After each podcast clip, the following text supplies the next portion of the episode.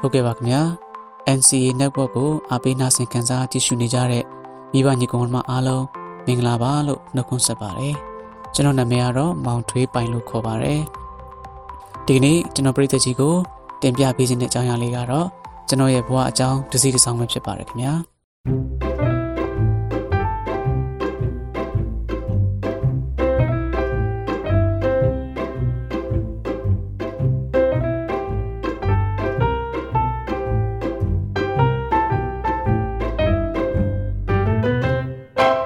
ဟုတ်ကဲ့ပါပရိသတ်ရေကျွန်တော်နာမည်ကတော့မောင်ထွေးပိုင်ပါကျွန်တော်ကတော့မြတ်ကျူအိမ်ဆိုတဲ့နာမည်နဲ့လဲကလောင်နာမည်နဲ့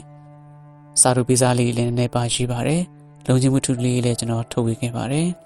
ဒီအကြောင်းကိုကျွန်တော်နောက်ပိုင်းကျရင်ထပ်ပြီးတော့အသေးစိတ်ပြောပြပါမယ်ကျွန်တော်မောင်ထွေးပိုင်ဆိုတဲ့လူသားတယောက်အခုလိုရက်တည်နိုင်မှုအတွက်မွေးဖွားပေးခဲ့တဲ့ကျွန်တော်ရဲ့မွေးမိခင်ကိုအထူးပဲကျေးဇူးတင်ပါတယ်ဒုတိယအနေနဲ့ကတော့ကျွန်တော်အခုလိုအရွယ်ရလာပြီးအခုလိုလုပ်ငန်း အလုပ်အကိုင်နဲ့မိသားစုနဲ့ရက်တည်နိုင်အောင်အသက်ရှင်သန်နိုင်အောင်ကြွေးမွေးပြုစုဆောင်ရှောက်ပေးခဲ့တဲ့ကျွန်တော်ရဲ့မွေးစားမိခင်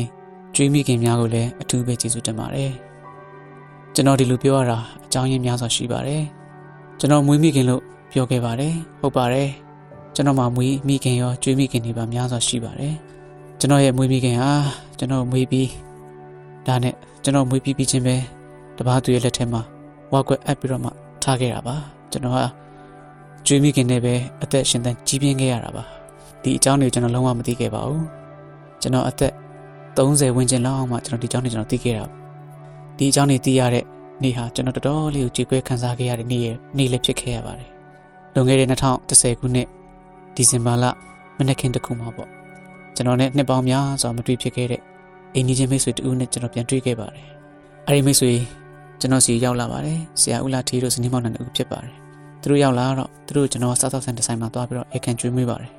အဲ့ဒီချိန်မှာသမင်းစားနေနဲ့အန်နီချူကကျွန်တော်စကားတခွန်းပြောတယ်ဒါဒါလည်းအရွယ်ရောက်လာပြီအခုချိန်မှာဒါလည်းစာရေးဆရာတော့ဖြစ်နေပြီဆိုတော့ဒါအန်ဒီစကားတခွန်းတော့ပြောချင်တယ်ကျွန်တော်ကပြောလေအန်ဒီဘာပြောချင်တော့လဲလို့အဲ့လိုပြောတဲ့ချိန်မှာကျွန်တော်လက်ထဲမှာသမင်းစားဖို့တဲ့ဇွန်ကင်ထားတယ်သမင်းလည်းခတ်ထားပါတယ်အဲ့ချိန်မှာအန်ဒီချူကျွန်တော်ဘာပြောလိုက်လဲဆိုတော့ဒါဟာတဲ့ဒေါခင်အေးရဲ့မွေးစားသားဖြစ်တယ်ဒါအရင်မဟုတ်ဘူးတဲ့ ကျွန်တော်ရဲ့အမေမွေးစားအမေနာမည်ဒေါခင်အေးပါမွေးစားအမေဒေါခင်အေးရဲ့သားဖြစ်တယ်သားရင်မဟုတ်ဘူးတဲ့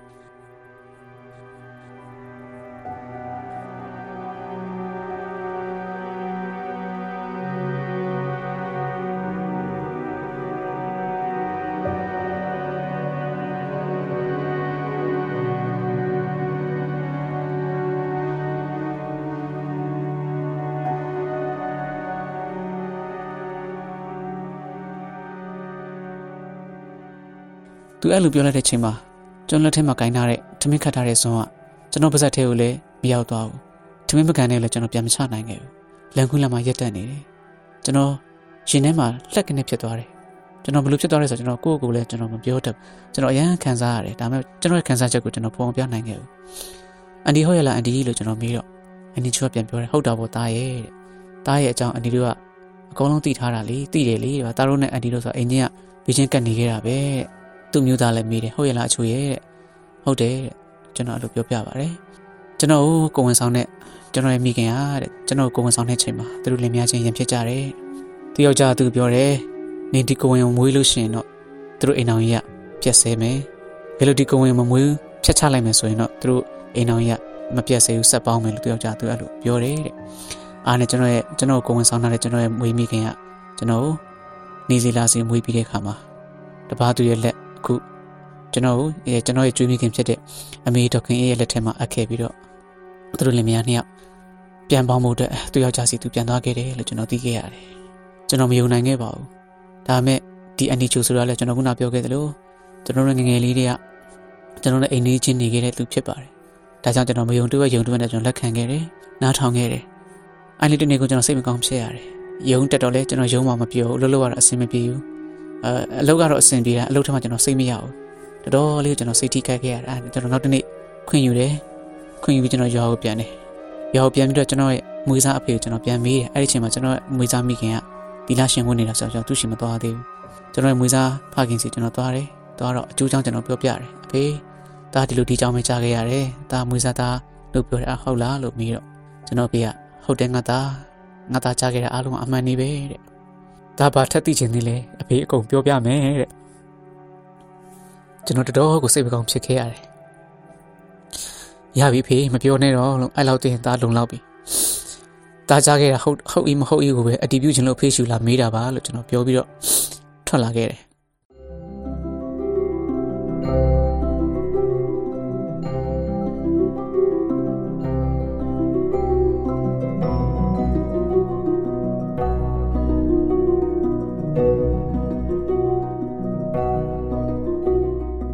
အဲ့ဒါနဲ့နောက်ထပ်ကျွန်တော်တို့နဲ့အိမ်နေချင်းနေခဲ့တဲ့အမတူဖြစ်တဲ့မခင်စောဦးဆိုတာသူ့စီကျွန်တော်သွားတယ်။သွားတော့အမရဲ့ကျွန်တော်အဲ့လိုဒီလိုဒီကြောင်ပဲကျွန်တော်အကြောင်းကျွန်တော်ကြားခဲ့ရတယ်လို့အမတို့ကကျွန်တော်နဲ့အိမ်နေချင်းနေခဲ့တော့ကျွန်တော်တို့အကြောင်းမိသားစုအကြောင်းလည်းအမအသိဆုံးဖြစ်တော့အမမေးကြည့်တာဟုတ်လားဆိုတော့ဟုတ်တယ်ငါမောင်အဲ့အားလုံးကအမှန်နေပဲအားလုံးကအမှန်နေပဲဘယ်လောက်ထိသိကြလဲဆိုရင်တဲ့ငါမောင်ရှင်ပြုကန်နီးကျွန်တော်တို့က ကျွန်တော်ရဲ့မွေးစားမိဘများဗုဒ္ဓဘာသာမိသားစုများဖြစ်တဲ့အတွက်ကြောင့်မို့လို့ကျွန်တော်အရွယ်ရောက်တဲ့ခါမှာသူတို့ကရှင်ပြု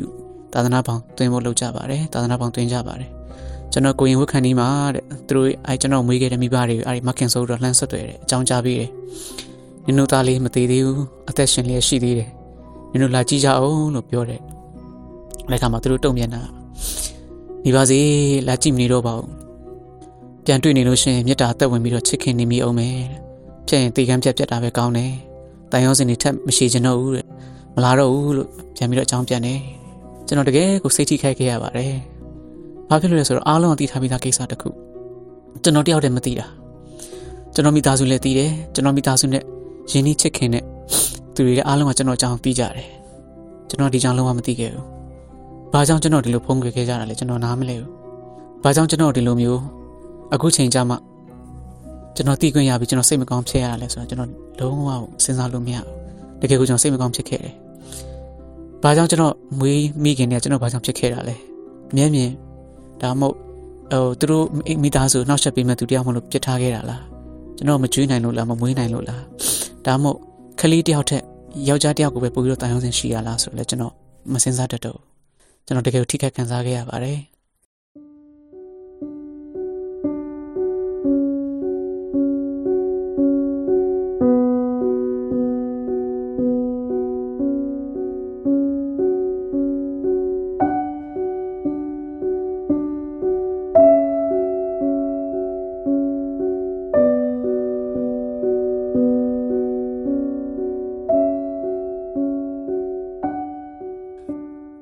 ဒါမဲ့ဘာပဲပြောပြောပါကျွန်တော်ကိုကိုဝင်ဆောင်တဲ့ချိန်မှာဖြတ်မြချပေးနဲ့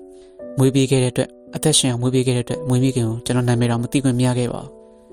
ကျွန်တော်တကယ်ကိုကျေးဇူးတင်ရပါတယ်ကျေးဇူးလက်တင်ပါတယ်နာမည်မသိခင်မဲ့နာမည်မသိခဲ့ပေမဲ့ကျွန်တော်ရဲ့မွေးမိခင်ကျေးဇူးတင်တယ်ကျွန်တော်စုံစမ်းတဲ့အခါမှာသူတို့တွေမရှိကြတော့ဘူးတဲ့တည်သွားကြပြီတဲ့တရားမှမရှိကြတော့လို့ပြောတဲ့အတွက်ကျွန်တော်ဒီနေ့ချိန်ကြီးတွေ့ခွင့်မရလိုက်ပါဘူးဒါပေမဲ့သူတို့ရဲ့အဖိုးတယောက်တော့ရှိသေးတယ်ပြောတယ်ကျွန်တော်သွားမတွေ့နိုင်သေးပါဘူးသွားတွေ့ဖို့တော့ကျွန်တော်ကြိုးစားနေပါတယ်သွားတော့မတွေ့နိုင်သေးပါဘူး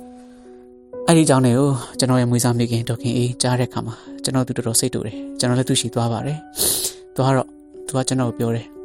နင်းနဲ့ဟိုအကြောင်းဒီအကြောင်းလိုက်ဆောင်စမ်းနေဆိုတဲ့ငါအရင်ဒေါသထွက်တယ်လို့သူကကျွန်တော်ပြောတယ်ကျွန်တော်သူရှင်းပြတယ်အမေ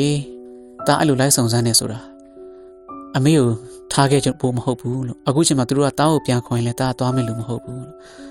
အမေရဲ့ရင်စုံကမိတာထွက်သွားမယ်လို့မဟုတ်ဘူးလို့ကျွန်တော်ပြောခဲ့တယ်။ဘာကြောင့်တားဆောင်စမ်းလဲဆိုတာသူတို့ပြစ်ထားခဲ့တဲ့ကလေးတယောက် သူတို့မွေးပြီးသူများလက်ထဲမှာ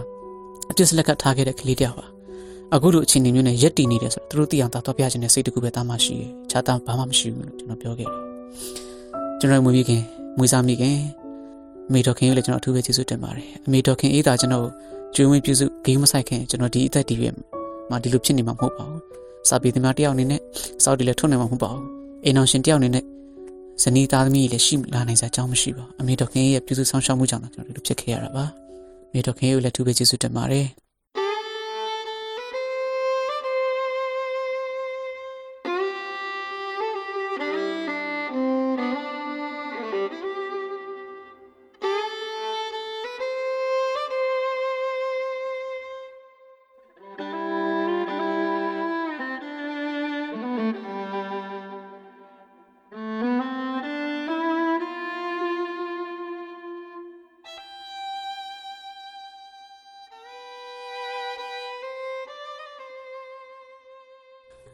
မေတော်ခင်အေးကျွန်တော်ဘယ်လောက်ထိပြုဆောင်ရှောက်ခဲ့လဲဆိုရင်တကယ်ကိုကျွန်တော်ဘဝအတွက်မမေ့နိုင်စရာအကြောင်းရင်းတွေများစွာရှိပါတယ်ကျွန်တော်ဟာကျွန်တော်ရဲ့အမွေးမိခင်ထားခဲ့တဲ့အချိန်တုန်းကမျက်စိမြင်တယ်လို့ပြောပါတယ်ကျွန်တော်လေးနှစ်သားလုံးမှာမျက်စိကွယ်သွားတယ်တဲ့ကွယ်သွားတဲ့အကြောင်းကလည်းဒီလိုရှိပါတယ်အမေတော်ခင်အေးကသူကကုံရောင်းကုံဝယ်လုပ်ပါတယ်အဲ့တော့ကုံကူးတယ်ကုံကူးတဲ့အလုပ်လုပ်တဲ့ချိန်မှာအိမ်မှာမနေနိုင်ပါဘူးကျွန်တော်ကလေးထိန်းနဲ့ထားခဲ့ပါတယ်ကျွန်တော်ရဲ့မွေးစားအဖေ မွေးစားကျွန်တော်အမေကအိမ်တော်20ရှိတယ်အဲ့တော့ကျွန်တော်အမေရဲ့ပထမအိမ်တော်ဖြစ်တဲ့မွေးစားအဖေဦးကြီးမောင်ကသူကစစ်တောင်းဆက်ကူစားကဝန်ထမ်းဆိုတော့အလုပ်ဆင်းရတယ်အစိုးရဝန်ထမ်းဆိုတော့အလုပ်ဆင်းရတယ်နေဆိုရင်လည်းအိမ်မှာမရှိဘူးတခါလေညကျူတီကြလို့ရှိရင်လည်းအိမ်မှာမနေရဘူးကျွန်တော်ကလေးထင်းနဲ့ထားခဲ့တဲ့အခါမှာကလေးထင်းဆိုတာလည်းကလေးထင်းတတကျွန်တော်နဲ့အရန်လည်းမကွာတဲ့ကလေးတတဆိုတော့လေကျွန်တော်ဂီးမဆိုင်နိုင်ပါဘူးကျွန်တော်ဖျားတယ်ဖျားတဲ့ချိန်မှာမတည့်တဲ့အစာတွေကျွေးတယ် နောက်ပြီးကျွန်တော်ကောင်းကောင်းပြုစုမှုမရှိတဲ့ခါမှာအဖျားကြီးပြီးတော့နောက်ဆုံးမျက်စိကွယ်တဲ့ဆင်ဖြစ်သွားတယ်ရန်ကုန်စေုံကြီးရောက်တော့ကျွန်တော်မျက်စိကမမီတော့ပါဘူးကွယ်သွားပါပြီအဲ့ဒီချိန်မှာဘာဖြစ်လဲဆိုတော့ကျွန်တော်အာမျက်စိနဲ့ပတ်သက်ပြီးတော့မှတော်တော်လေးခံစားခဲ့ရတယ်နောက်ပြီးတော့မှကျွန်တော်ခွဲစိတ်မှုလည်းလုပ်ရပါတယ်ခွဲစိတ်မှုလုပ်တဲ့ချိန်မှာကျွန်တော်သွေးအရန်လိုနေတယ်သွေးအရန်လိုနေတော့ကျွန်တော်အမေကသွေးမရှာတတ်ဘူးသွေးရှာဖို့လည်းသူမှဘလူးရှာမဆိုသူမသိပါဘူးအဲ့တော့ဆရာဝန်ကအားပေးတယ်အတော်တဲ့ ရန်ကုန်ကလေးစိတ်ဝင်ဆရာဝန်နဲ့အားပေးတယ်အတော်အားမငယ်နဲ့တဲ့ဒီလိုယောဂမျိုးကကျွန်တော်တငယ်နာငယ်ချင်းပြီးဖြစ်တာအဲတငယ်နာငယ်ချင်းပြီးဆိုတာ၁၀ယောက်ဖြစ်လို့ရှိရင်တယောက်ပဲအသက်ရှင်တာတဲ့9ယောက်လောက်ကသေတယ်လို့ကျွန်တော်မြင်အားပေးတယ်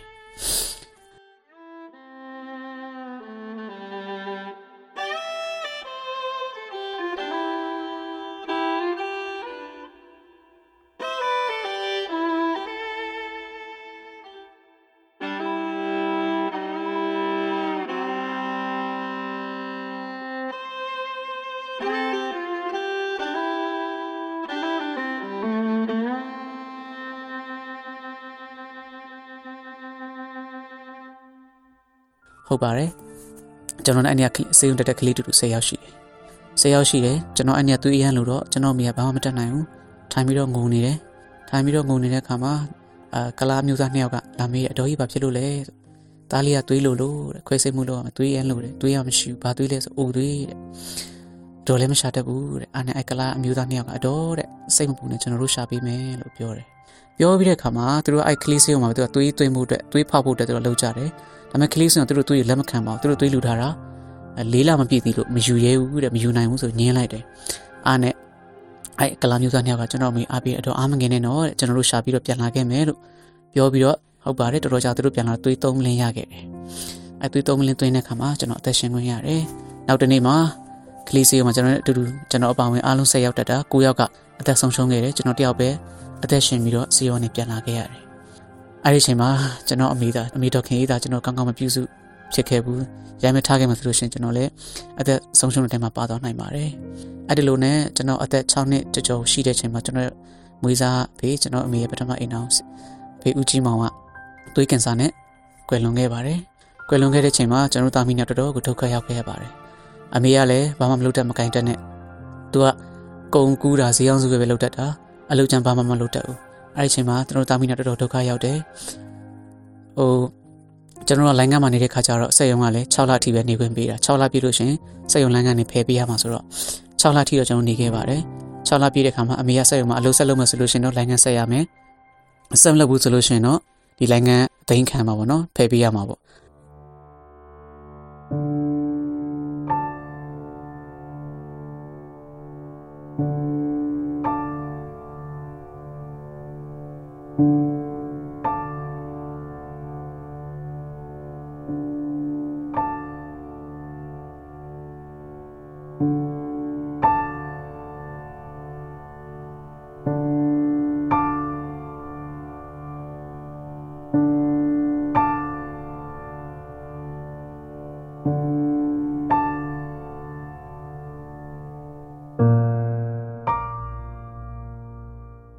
အဲ့ဒီချိန်မှာအမေကလိုင်းငန်းနေဆင်လာခဲ့တယ်သူတငယ်ချင်းအနီတော်ခင်သိန်းဆိုတော့ကျွန်တော်တို့ရဲ့ဂျေဆုရှင်ပါပဲအနီတော်ခင်သိန်းရဲ့ရွာဆက်သွားကြုံရအခုလက်ရှိကျွန်တော်နေတဲ့ဆက်သွားကြုံရကိုခေါ်လာခဲ့တယ်ခေါ်လာခဲ့တဲ့ခါမှာကျွန်တော်မျက်မြင်တူဖြစ်တယ်ကျွန်တော်မိရလည်းမဟုတ်ဆိုးမှဖြစ်တယ်မဟုတ်ဆိုးမှသားမိနှစ်ယောက်အိမ်မော်ရောက်လာတဲ့ခါမှာဒုက္ခိတလည်းပါလာတဲ့အတွက်အနီတော်ခင်သိန်းရဲ့အမေ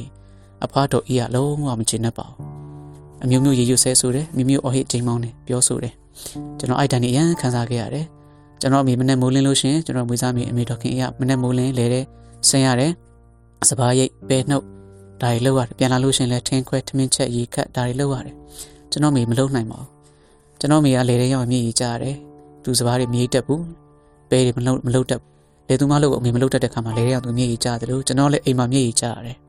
ကျွန်တော်အမေလေတဲ့စိတ်မှုဆိုတာနဲ့အိုင်အဖွားတော့ဤရကျွန်တော်ဒုံနဲ့နေဒုံနဲ့ရိုက်တယ်တနက်ခါလုံးနဲ့တနက်ခါလုံးနဲ့ပေါက်တယ် ဘာမှမရှိရင်ခေါင်းခောက်ပြီးတော့ခေါင်းကိုလက်နဲ့ခောက်တယ်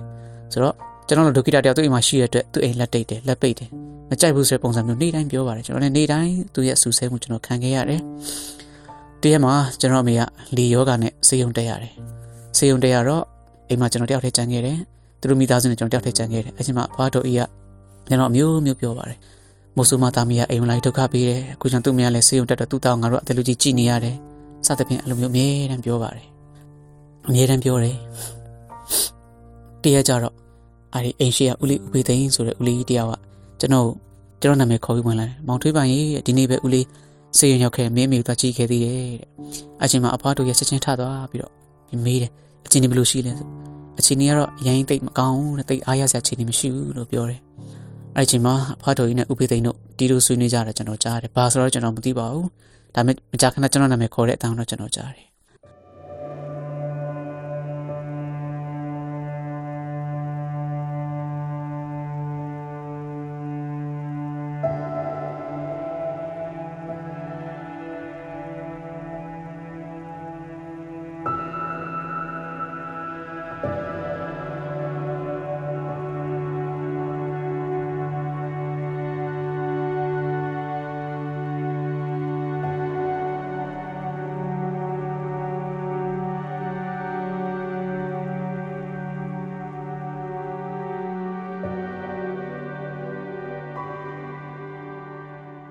အဲ့ညနေမှာပဲ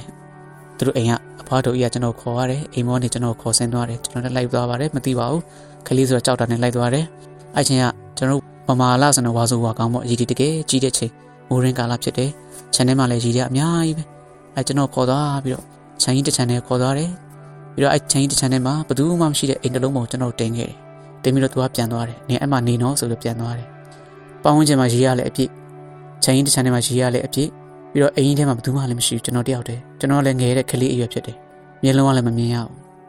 ညမိုးချုပ်လာတယ်ကျွန်တော်ဘာမှမသိဘူးဘယ်သူလဲမြန်းလာခေါ်မလဲဆိုတဲ့အတွေ့နဲ့ကျွန်တော်စောင့်ရင်းနဲ့ကျွန်တော်အိပ်ပျော်ပါတယ်နောက်တစ်နေ့မနေ့မိုးလင်းလာတယ်ငါ့ကိုဘယ်သူများလာခေါ်မလဲဒါမှမဟုတ်ငါအမေများပေးရှင်ပြန်ရမလဲငါ့ကိုဘယ်သူများထမင်းလာကျွေးမလဲဆိုတဲ့အတွေ့နဲ့ကျွန်တော်တယောက်တည်းအဲ့အိမ်ထဲမှာနေခဲ့ရတယ်ပတ်ဝန်းကျင်မှာရေတွေကမိုးရင်းဆိုတော့ရေတွေအရန်များတယ်ရေတွေအရန်များတော့လူတယောက်လမ်းပေါ်လမ်းလျှောက်လာပြီဆိုရှင် ခြေတန်းရေတွေကနေကြားနေရတယ်အဲ့လိုခြေတန်းကြားလို့ရှိရင်အော်ဒီ channel ကိုကိုယ်ဝင်လာမယ်ငါအမေရဲ့ခြေတန်းများဖြစ်မလားဆိုတဲ့အတွေးနဲ့ကျွန်တော်မျှော်ခဲ့ရတယ်ဘိုက်ကစားတယ်ဘယ်သူမှလည်းတောင်းမစားရဲဘူး channel မှာအိမ်ထဲမှာကလေးတယောက်တည်းရှိတယ်ဆိုတော့လည်းပေါင်းချင်ဘယ်သူမှမသိကြဘူးအဲ့တော့ကျွန်တော်အဲ့လိုမျိုးနဲ့နေခဲ့ရတယ်ကျွန်တော်အမေကကျွန်တော်ရမ်းစောင့်တယ်တရက်မှာတော့ကျွန်တော်အိပ်ပျော်ရတယ်အိပ်ပျော်တာလားသတိလက်တာလားတော့ကျွန်တော်မပြောတတ်ဘူးပေါ့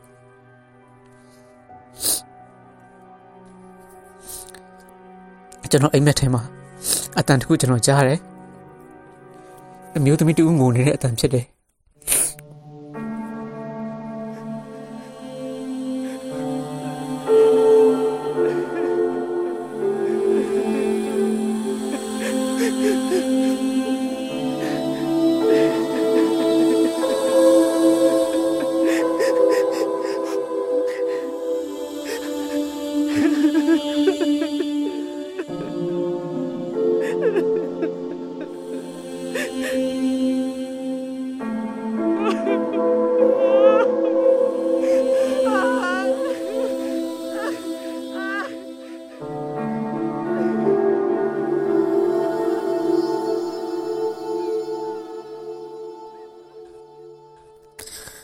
အားနဲ့ကျွန်တော်နိုးလာတော့ဟုတ်ပါတယ်ကျွန်တော်အမေကျွန်တော်ဖက်ပြီးတော့ငုံနေတာအိမ်ထဲမှာကျွန်တော်အနည်းဆုံးကျွန်တော်3ရက်လောက်တော့ကျွန်တော်နေခဲ့လိုက်ရတယ်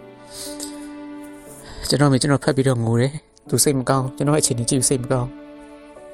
ကျွန်တော်လည်းကျွန်တော်တာမင်းတယောက်ငိုကြတယ်အဲ့ချိန်မှာမှပတ်ဝန်းကျင်လူတွေကအဲ့အိမ်ထဲမှာကျွန်တော်တယောက်တည်းရှိတာသူတို့ကသိကြတယ်နောက်ပိုင်းမှာကျွန်တော်ပြန်သိလိုက်တာအဲ့ဒီကျွန်တော်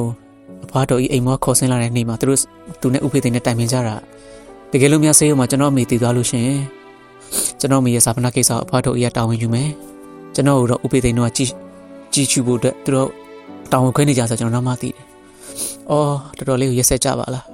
ဒုက္ခိတတယောက်မှလည်းအသက်ရှင်တဲ့လူသားပဲဆိုတော့သူတို့မသိကြတာလားဒါမှမဟုတ်အသက်တစ်ချောင်းရဲ့တန်ဖိုးသူတို့မထားကြတာလားအသက်တစ်ချောင်းတန်ဖိုးထားမယ်ဆိုတော့သူတို့မသိကြတာလားဒုက္ခိတကလည်းလူမဟုတ်လို့ပဲသူတို့မြင်တာလားလို့ကျွန်တော် အရွယ်ရောက်လာမှကျွန်တော်စဉ်းစားမိပါတယ်ဒါကျွန်တော်ငယ်စဉ်တုန်းကဖြတ်တန်းခဲ့ရတဲ့အတွေ့အကြုံလေးပါအဲ့ဒီလိုနဲ့ကျွန်တော်1992ခုနှစ်မှာတော့ကျောင်းရောက်ခဲ့ပါတယ်ရန်ကုန်မြို့မြင့်ကျောင်းခွဲချံမခေါမောက်ကျွန်တော်ရောက်ခဲ့တယ်ဒီလိုရောက်ခဲ့တာလည်းကျွန်တော်ရဲ့ဒုတိယဝေးစားမိခင်ဆမကြီးတို့ယူဝေးစစ်တောင်းဆက်ကူဆက်ကဒီအချောကိုင်ဌာနရဲ့ဌာနမှုပါအဲစစ်တောင်းဆက်ကူဆက်ကဌာနမှုဆမကြီးတို့ယူဝေးကနေပြီးတော့ဆက်သွယ်ပြီးပြီးကျွန်တော်မွေးစားပြီးတော့ရန်ကုန်မြို့မြင့်ကျောင်းပို့ပေးခဲ့တာပါ ဆမကြီးတို့ယူဝေးကလည်းခုနကျွန်တော်ပထမပြောခဲ့တဲ့ကျွန်တော်ရဲ့အဲမွေးစားအဖေဦးကြီးမောင်နဲ့သူကလှုပ်ဖို့ကံမဲ့ဆိုတော့ဖေဦးကြီးမောင်ကအကူကြီးတောင်းထားခဲ့တာတဲ့ကျွန်တော်မသိပါဘူးနောက်မှသိတာပါဆရာမကြီးကျွန်တော်သားလေးကိုကျေးဇူးပြုကျေးဇူးပြုဆောင်ရှောက်ပေးပါကျွန်တော်မရှိတော့လို့ရှင်ခလေးကိုဆရာမကြီးလက်ထက်အပ်ပါတယ်လို့ပြောခဲ့တာကျွန်တော်နောက်မှသိတာပါအဲနဲ့ဆရာမကြီးတော်ယူရဲ့ကျွန်တော်ကိုခေါ်ယူမွေးစားပြီးတော့မြင်မြင်ကြောင်ပို့ပေးတယ်အရင်ဆုံးကျွန်တော်စိတ်မီမှာတော့နေရသေးတယ်စမ်းကြောင်ကျွန်တော်လည်းနေရစိတ်မီမှာအဲ့မှာစာမသိဘူးစာမသိတဲ့ခါကျအဲ့ဒီကျောင်းကဆရာဆိုင်းကျော်လင်ဆိုတဲ့ကျောင်းဆရာတူက ဒီမခါမခွေရန်ကျောင်းညွှန်လိုက်တဲ့အတွက်ကျွန်တော်ဒီကိုရောက်လာပါတယ်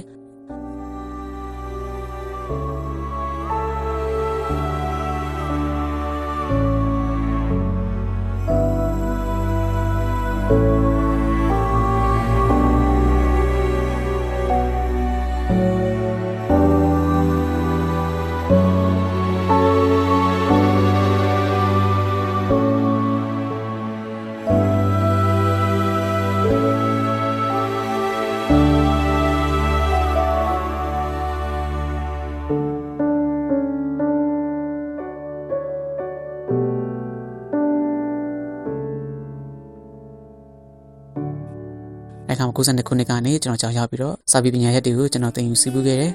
။စီးပူးခဲ့ပြီးတဲ့ခါမှာကျွန်တော်2000နဲ့ခုနှစ်ခုနှစ်ဇန်နဝါရီလ1ရက်နေ့မှာတော့ဒီရန်ကုန်မြင်းမြင့်ကျောင်းမြန်မာနိုင်ငံခရစ်မြင်းမြင့်များမိသားဟာရမခါမရဲ့ရုံးချုပ်မှာကျွန်တော်တယ်လီဖုန်း operator ဖြစ်နေစတင်ဝန်ထမ်းဖြစ်နေစတင်ဆောင်ရွက်တယ်ကိုရှာဘကိုစာပြီးရတည်တဲ့နေ့လည်းဖြစ်ပါတယ်ဝန်ထမ်းဖြစ်နေကျွန်တော်2000ခုဇန်နဝါရီလ1ရက်နေ့မှာစပြီးတော့ဝန်ထမ်းဖြစ်ပါတယ်ပြီးတော့အဲ့ဒီအချိန်မှာကျွန်တော်စာတွေကိုစပြီးတော့ရင်းနေပါပြီ ကျွန်တော်စာတွေစပြီးရေးတယ်မဂ္ဂဇင်းတွေကျွန်တော်ပို့တယ်တောက်လျှောက်ပို့ပါတယ်တစ်နှစ်လုံးပို့တယ်မပါပါဘူး2008ခုနှစ်ဧပြီလကျမှကျွန်တော်ရဲ့အဲကြပြတပုတ်သခင်သွေးဆက်မြေတို့သက်အေးဆိုတဲ့ဘာသာရေးကြပြတပုတ်ဘာသာရေးမဂ္ဂဇင်းတစ်ခုမှာဖော်ပြခြင်းခံခဲ့ရပါတယ်အဲ့ဒီတောက်လျှောက်ကျွန်တော်ကြပြတွေရေးတယ်ဝတ္ထုတွေရေးတယ်မဂ္ဂဇင်းတချို့တွေမှာပါလာပါတယ်အဲကျွန်တော်စူးစမ်းတယ်လုံခြုံဝတ္ထုလေးတော့ထွက်ချင်တယ်လို့ကျွန်တော်စူးစမ်းတယ်ရေးချင်တယ်ကျွန်တော်စူးစမ်းတယ် 2011ခုနှစ်မှာကျွန်တော်လုံခြုံဝတ္ထုတအုပ်ထွက်ခဲ့တယ်အဲ့ဒါကတော့ချီခွေးပုံရိပ်လွမ်းစိမ့်မပြီးဆိုတဲ့လုံခြုံဝတ္ထုလေးဖြစ်ပါတယ်အဲ့ဒါဒီဝတ္ထုလေးကလည်းခုနကတော့ကျွန်တော်ပြောခဲ့တဲ့ကျွန်တော်ရဲ့ဘဝအကြောင်းတစ်စီတစ်စောင်းကိုအများရေးထားတဲ့ဝတ္ထုလေးတစ်ခုဖြစ်ပါတယ်အဲ့ဒီဝတ္ထုလေးကျွန်တော်ထုတ်ဝေခဲ့တယ်2013ခုနှစ်မှာဒုတိယဝတ္ထုဖြစ်တဲ့ကျေရောင်လာရဲ့ email ကဗျာဆိုတဲ့ဝတ္ထုလေးကိုကျွန်တော်ထုတ်ဝေနိုင်ခဲ့ပါတယ်နောက်ပြီးတော့2018ခုနှစ်မှာစာရေးဆရာမကြီးမအီနဲ့အတူအခြားသောစာရေးဆရာများနဲ့အတူပူးပေါင်းပြီးတော့ မြစ်တွေကိုစူးစီးစီတဲ့ပင်လဲဆိုတဲ့ဝတ္ထုတူပေါင်းချုပ်တအုပ်ကျွန်တော်ကျွန်တော်တို့ထုတ်ဝေနိုင်ခဲ့ပါတယ်ဆလဘီအိုင်2018ခုနှစ်မှာပဲပေါ့နော်ကျွန်တော်ရဲ့ကြပြ၅ဘုတ်ကိုကိုရီးယားနိုင်ငံကသူတို့ရဲ့ဘာသာစကားနဲ့ပြန်ဘာသာပြန်ပြီးတော့သူတို့ရဲ့မဂ္ဂဇင်းတစ်ခုမှအသုံးပြုပါတယ်အဲကျွန်တော်တို့အမှတ်တရဖြစ်တာကတော့အဲ့ဒီ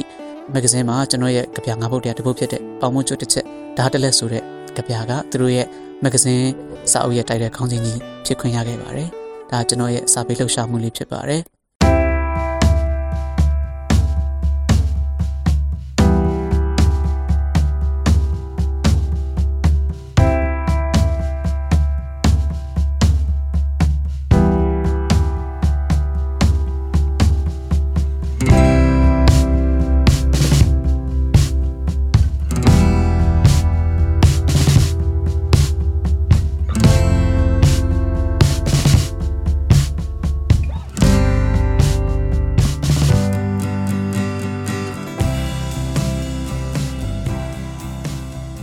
အဲကျွန်တော်2016ခုနှစ်မှာအိမ်အောင်ကြပါတယ်အခုကျွန်တော်မှာဒါလီတယောက်ရှိပါတယ်